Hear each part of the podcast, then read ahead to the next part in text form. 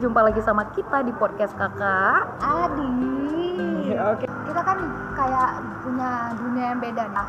Aku sama Kay waktu itu nyambungnya gara-gara kita sama-sama K-pop. K-popper Ah, dan kebetulan kita suka sama band yang sama. Ah. Nah, seiring berjalannya waktu, semua itu berubah kak. Kayak Iya, "Ih, kita iya. nggak pernah ngomongin itu lagi. Iya, iya, iya, Tapi betul. kenapa kita bisa nyambung gitu? Tetap nyambung. Kis bacaan Kis lebih banyak yang ke arah politik, filsafat. Sementara aku lebih ke arah yang masih novel, roman, terus podcast yang kita dengar itu beda, Beda, beda, beda. jenisnya. Terus sama ya? tapi setidaknya kayak kita punya things in common-nya sama-sama baca sama-sama suka baca dan sama-sama suka dengerin podcast kok prefer nonton audio sih Aku lebih ke audio. Kadang nonton sih, tapi lebih ke audio ke audio sekarang. lebih banyak audio ya Yes, iya yes, sama yes. kayak aku saya kayak gitu-gitu sih yang jadi things in common yang bikin kita mungkin bisa jadi oh kita ini punya samanya di situ gitu. Ah. Enggak apa ya, topik bacanya beda, topik dengernya beda, Kak. Itu tetap tetap bisa, bisa nyambung. kurasa tetap masih bisa karena uh, beda pun kayak masih masih ada benang merah untuk ketemunya gitu misalnya bacaan ya kayak tadi bilang kan Ya, ya.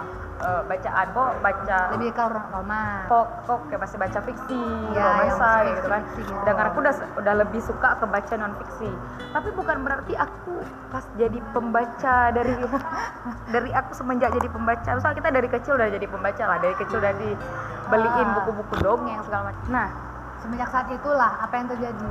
Nah, jadi kan kok tadi bilang bacaan kita beda. Iya. Bacaan kok lebih romansa. Aku udah melewati jenis-jenis bacaan yang kayak gitu. Bukan berarti aku nggak pernah baca.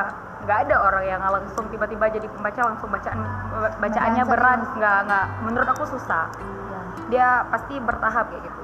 Karena kan di proses membaca tuh kayak bikin cara kita pikir, cara kita mikir tuh berkembang. Ya. Jadi nggak bisa langsung tiba-tiba kok jadi levelnya di advance kalau aku belum mulai dari beginner ya gitu kan. Iya.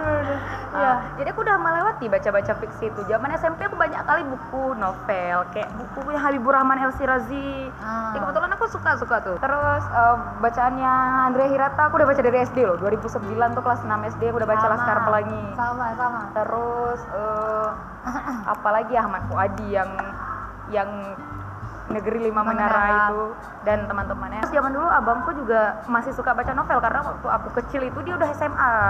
Hmm. Ah. Dan dia punya buku bacaan Jadi novel banyak sekali novel dia. Setelah itu diturunin ke Ki dan. Ki yang baca gitu. Iya baca itu waktu itu masih masih zamannya novel zaman zaman penulisnya masih Golagok. Itu judulnya Balada Siroy. Ya, oh, oh, oh. Siroy itu agak-agak kayak Dilan gitu loh ceritanya. Tapi Aku pernah dengar tuh, tapi belum pernah ya itu legend pada matanya ya kayak kayak Wow, gitulah. wow, wow. keren sih si Roy. Terus ada novel-novelnya Pipit Senja ya waktu itu. Nah kalau Lead itu waktu itu Lanatan waktu itu Bang Terelie masih kayak penulis-penulis baru. Sekarang udah pro banget. Ini udah melewati juga bacaan-bacaan yang kayak gitu makanya, bisa Makanya kan- nyambung. Ah. Soalnya kan kadang kalau misalnya kayak ngomong tentang politik, sejarah apa fiksi, eh bukan fiksi, politik, filsafat, kayak gitu kan. psikologi aku suka baca Psikologi, psikologi ya baru-baru inilah aku eh, mulai Baca juga. baca juga self improvement. Itu kadang-kadang aku cuma bisa diem, ini, ini orang ngomongin apa sih? tapi ngerti kan maksudnya Iya, waktu ngerti, aku jelasin eh, dapat dapat insight baru setidaknya Yes, kalau waktu kayak malah justru menarik. Nah, aku tertariknya baca filsafat, eh nggak nggak baca sih. Aku tertarik filsafat ya karena kayak ceritanya dengan cara yang bisa Yeay, aku berhasil pahami gitu meracuni.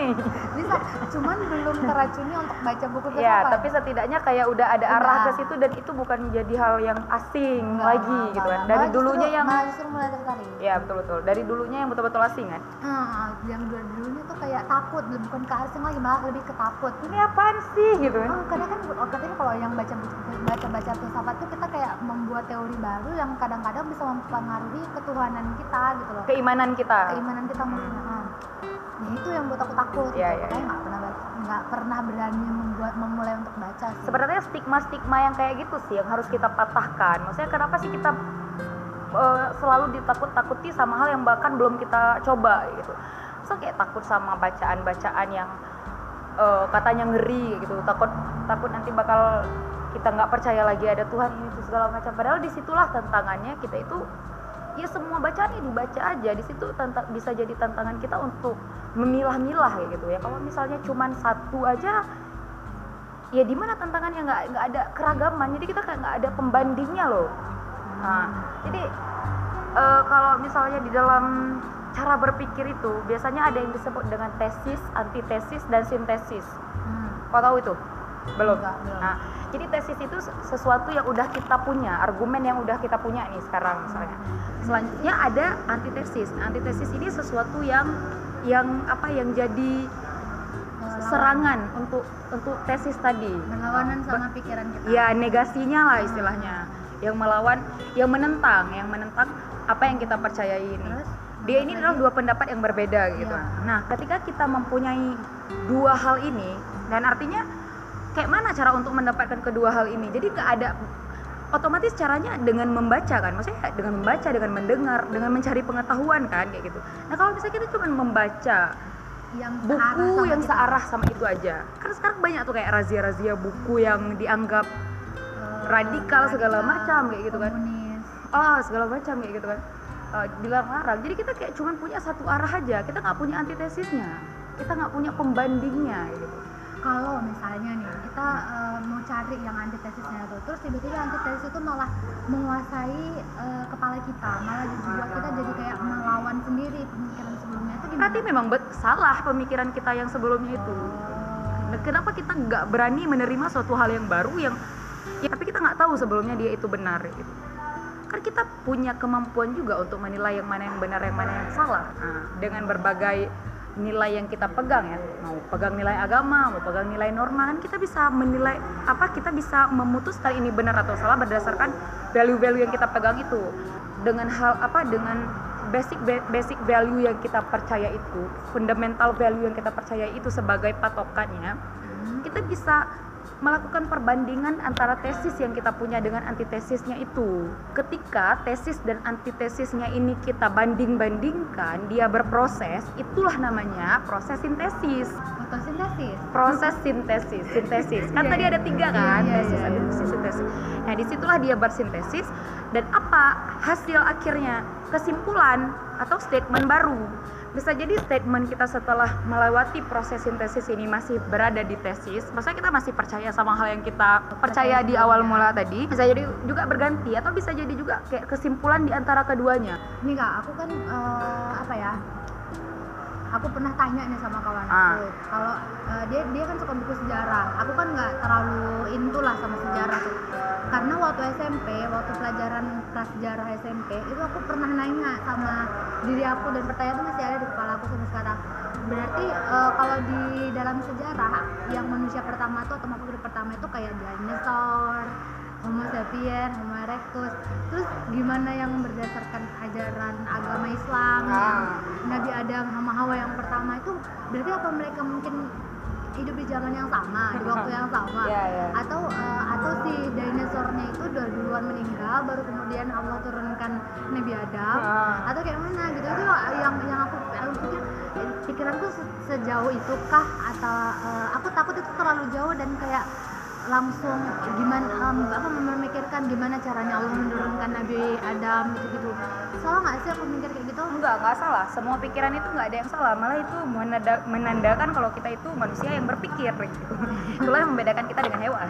ya oke terus Ah. gimana caranya aku ngadepin pikiran yang carinya caranya ya dengan mencari tahu gitu sebenarnya ada banyak Muslim scholars yang udah bahas tentang di mana benang merah antara makhluk yang pertama diciptakan itu berdasarkan sejarah ah, itu ada benang merahnya loh gitu banyak misalnya banyak versi juga bahkan dari Muslim scholar sendiri kan dan tentu saja agama Islam ini bukan agama yang bertentangan dengan sains. Jadi selalu ada benang merah antara sains dengan apa yang dikatakan oleh agama kita. Itu yang harus kita cari tahu. Ketika yang berbicara itu Muslim scholars, artinya mereka peneliti, mereka berbicara berdasarkan hasil penelitiannya, berdasarkan has- hasil kajiannya. Itu bukan cuman sekadar argumentasi belaka, tapi argumentasi-argumentasi yang bisa dipertanggungjawabkan dan di situ bisa kita jadikan suatu ilmu baru atau bisa jadi dasar kepercayaan untuk kita. Dan itu ada. Yang penting jangan malas mencari tahu dan jangan eh, takut duluan gitu ya jangan takut duluan kalau takut duluan menutup cakrawala ilmu yang sebenarnya begitu luas di dunia ini. Malah sebenarnya dengan kita berani untuk mencari hal-hal yang kita anggap bertentangan dengan kita itu ketika kita dapatkan sesuatu apa kita dapatkan kesimpulan dari hasil sintesis tadi itu bisa bikin kita tambah loh keimanannya. Atau ya spiritualnya lah at least. Ya, nah contohnya Nietzsche jadi dia tuh filsuf tuh, eh, asal Jerman Hmm. jadi suatu satu statement yang paling melekat dengan seorang Nietzsche ini adalah Tuhan telah mati. Ini di salah satu bukunya dia menyebutkan bahwa Tuhan telah mati. Dan ini menggegerkan orang-orang sedunia dengan mengatakan bahwa dia itu kayak udah tidak percaya dengan Tuhan, dia ini ateis segala macam ini itu. Terlepas dari itu semua, maksudnya bukan itu yang mau kita jadikan eh, poin pentingnya, bukan apakah dia ateis atau tidak itu urusan dia gitu kan sebenarnya yang dia maksud maksudnya adalah dengan Tuhan telah mati itu adalah matinya Tuhan dari hati manusia gitu.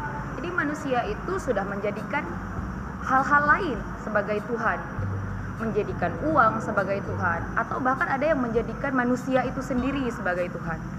Jadi mereka itu ada Tuhan yang mereka sembah, misalnya kayak mereka masih ke gereja, mereka masih ke masjid, mereka masih ke rumah-rumah ibadah untuk menjalankan proses ibadahnya untuk bersembahyang, tetapi sebenarnya di hati mereka udah hilang Tuhannya, kayak gitu.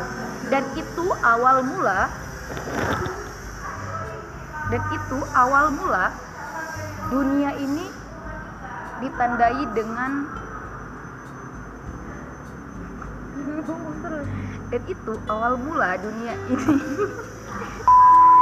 Dan itu awal mulanya eh, manusia ini dikatakan sesat lah gitu. ketika masa-masa itu katanya ya di sebuah buku yang aku baca eh, di belakang-belakang mobil itu udah ada kayak tulisan don't follow me I don't know where to go. Jadi kayak mereka itu sebenarnya kayak udah nggak tahu lagi apa tujuan hidup mereka. Dari slogan-slogan yang ber, yang nge-hype di masa itu kayak gitu. Makanya ya kenapa orang-orang nggak tahu lagi tujuannya mau ke mana? Karena Tuhan telah mati dari hati mereka. Dan itu yang dimaksud oleh Nietzsche. Tuhan telah mati. Dan berapa banyak orang yang tidak membaca lebih lanjut apa yang Nietzsche maksud maksud dengan Tuhan telah mati itu tapi langsung menjudge oh ini dia ateis nih nggak boleh baca nih. Apa tulisan-tulisan Nietzsche nggak boleh dibaca karena bisa merusak keimanan kita Hmm. Nah sebenarnya kalau misalnya kita baca bahkan aku lagi aku pernah baca tulisan dia, aku punya Zarathustra.